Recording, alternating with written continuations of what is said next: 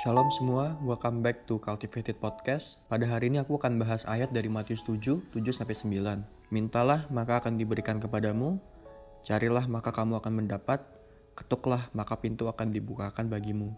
Karena setiap orang yang meminta menerima, dan setiap orang mencari mendapat, dan setiap orang yang mengetuk baginya pintu akan dibukakan. Minggu ini aku tertakjub oleh pekerjaan Tuhan yang luar biasa dalam kehidupan teman aku.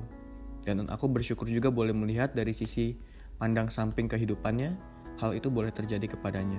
Jadi teman aku ini baru beberapa bulan terakhir pergi ke gereja. Dan ia sempat di suatu waktu mulai bimbang apakah ini memang jalan kebenaran. Namun setelah kita saling sharing dan juga saling menguatkan, ia mulai yakin untuk pergi ke gereja. Namun itu tidak berhenti di, di situ saja. Ia sempat bimbang lagi apakah ini ini benar. Dan pada suatu hari aku sedang makan sama dia, lalu Roh Kudus mengingatkan aku untuk kirim ayat Matius 7 ayat 7 sampai 9 ini kepada teman aku ini. Dan ia mulai membaca dan ia seperti merenung dan berpikir. Kebesokan harinya, teman aku punya mama tuh mengirimkan ayat persis ini kepada teman aku ini. Dan di hari itu teman aku chat ke aku, dia bilang, Dex, wah ngaco banget terus aku bilang kenapa? Kok bisa pas ya? Gitu dalam arti dia dikirimkan ayat ini lagi gitu. Dan di saat itu aku langsung berpikir dan diingatkan seperti ini ini adalah invitation langsung daripada Tuhan kepada teman aku ini. Dan ayat ini yang kedua kali ini seperti menguatkan imannya dan membuat ia lebih lebih berteguh dan percaya kepada Tuhan. Dan mulai dari saat itu ia mulai semakin yakin dan mencari Tuhan lebih lagi karena sudah beberapa waktu ia mencari Tuhan dengan sungguh-sungguh namun ia bingung. Namun ayat ini benar, iya dan amin di mana saat kita mengetuk maka pintu akan dibukakan. Dan sungguh Tuhan membukakan pintu kepada teman aku ini melalui orang-orang sekitar. Aku diingatkan untuk semakin mencari Tuhan lebih dan lebih lagi. Meskipun ayat ini berbicara mengenai Tuhan akan memberikan roh kudus kepada siapa yang memintanya, namun aku percaya ayat ini juga mempunyai prophetic meaning dalam area-area lain dalam kehidupan kita dan pelayanan kita juga. Terkadang kita sudah merasa cukup karena sudah ke gereja, bertumbuh dalam kul, sudah melayani, pergi doa tiap minggu. Namun sebenarnya Tuhan pasti mempunyai suatu rancangan untuk setiap anak-anaknya sesuai dengan apa yang sudah ia tetapkan. Pada contohnya kita harus menggali, mencari lebih, mempunyai keintiman dan kerinduan untuk mengetahui Tuhan apa yang menjadi rencanamu dalam kehidupanku. Tuhan tolong bukakan pintu demi pintu dalam kehidupanku agar aku dapat tahu apa yang ingin kau perbuat dalam kehidupanku. Dan aku ingin Tuhan untuk benar-benar ngeklik apa yang ingin kau sampaikan kepadaku. Seperti contohnya juga dalam kehidupan sehari-hari, um, dari sekolah, pekerjaan, dan visa, dan hal lain-lainnya juga. Tuhan bisa berbicara kepada kita melalui aura circumstances, bisa melalui firman Tuhan, bisa melalui lagu, bisa mungkin melalui dari YouTube pun juga bisa dari video-video sermon yang kita tonton. Dan ataupun dari hati nurani kita saat kita peka dan mempunyai hubungan yang erat dengan Roh Kudus, ia bisa membukakan hal-hal yang terkadang kita tidak terpikirkan. Namun juga Tuhan bisa berbicara mengenai open and closed doors. Seperti contohnya saat bangsa Israel dibawa Musa keluar tanah Mesir, di situ karena mereka rebel sama Tuhan, Tuhan tidak mengizinkan mereka untuk masuk ke tanah perjanjian dan mereka bisa dibilang pintu itu tertutup bagi mereka untuk masuk ke tanah perjanjian selama 40 tahun. Demikian juga seperti halnya dengan kita.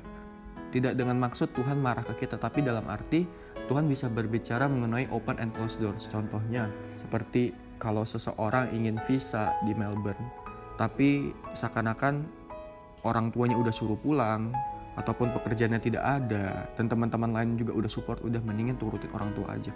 Mungkin itu bisa menjadi sebuah tanda namun itu harus dites lagi dan tanyakan ke Tuhan dan Roh Kudus akan membukakan.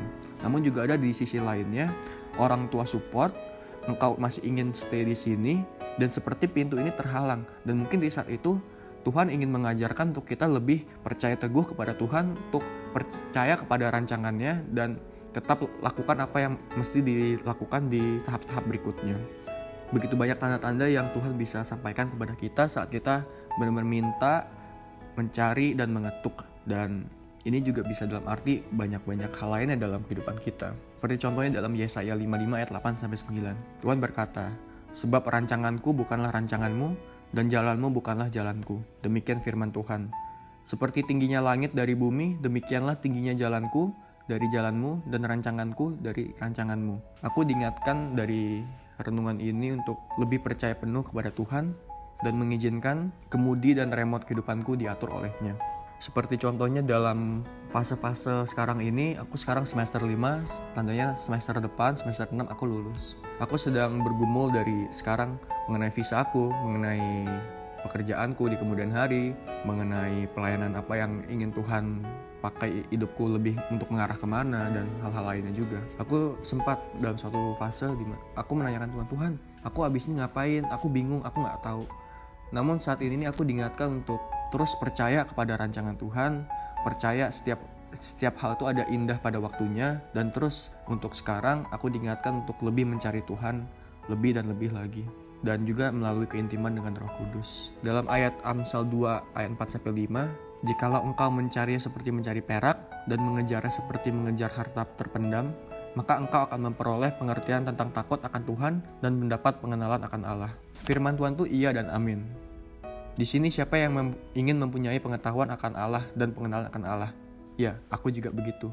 Oleh karena itu, mari kita semakin giat mencari Tuhan, karena hari-harinya sudah sangat-sangat dekat. Aku diingatkan untuk mencari Tuhan lebih lagi dari keintiman, membaca firman Tuhan, karena kita begitu banyak waktu-waktu yang kita pakai dengan sia-sia. Aku mungkin 6 bulan lalu, aku bener-bener meyakinkan, oke, okay, aku udah bener-bener 100% yakin, oke, okay, udah aku nggak mau main Instagram lagi karena aku begitu sadar begitu banyak waktu-waktuku yang terbuang oleh hal-hal yang sia-sia melalui scrolling feed dan lain-lain. Aku melihat di feed aku itu, aku melihat historinya, kira-kira aku mungkin bisa main Instagram, main Instagram tuh bisa sampai 2 sampai 4 jam.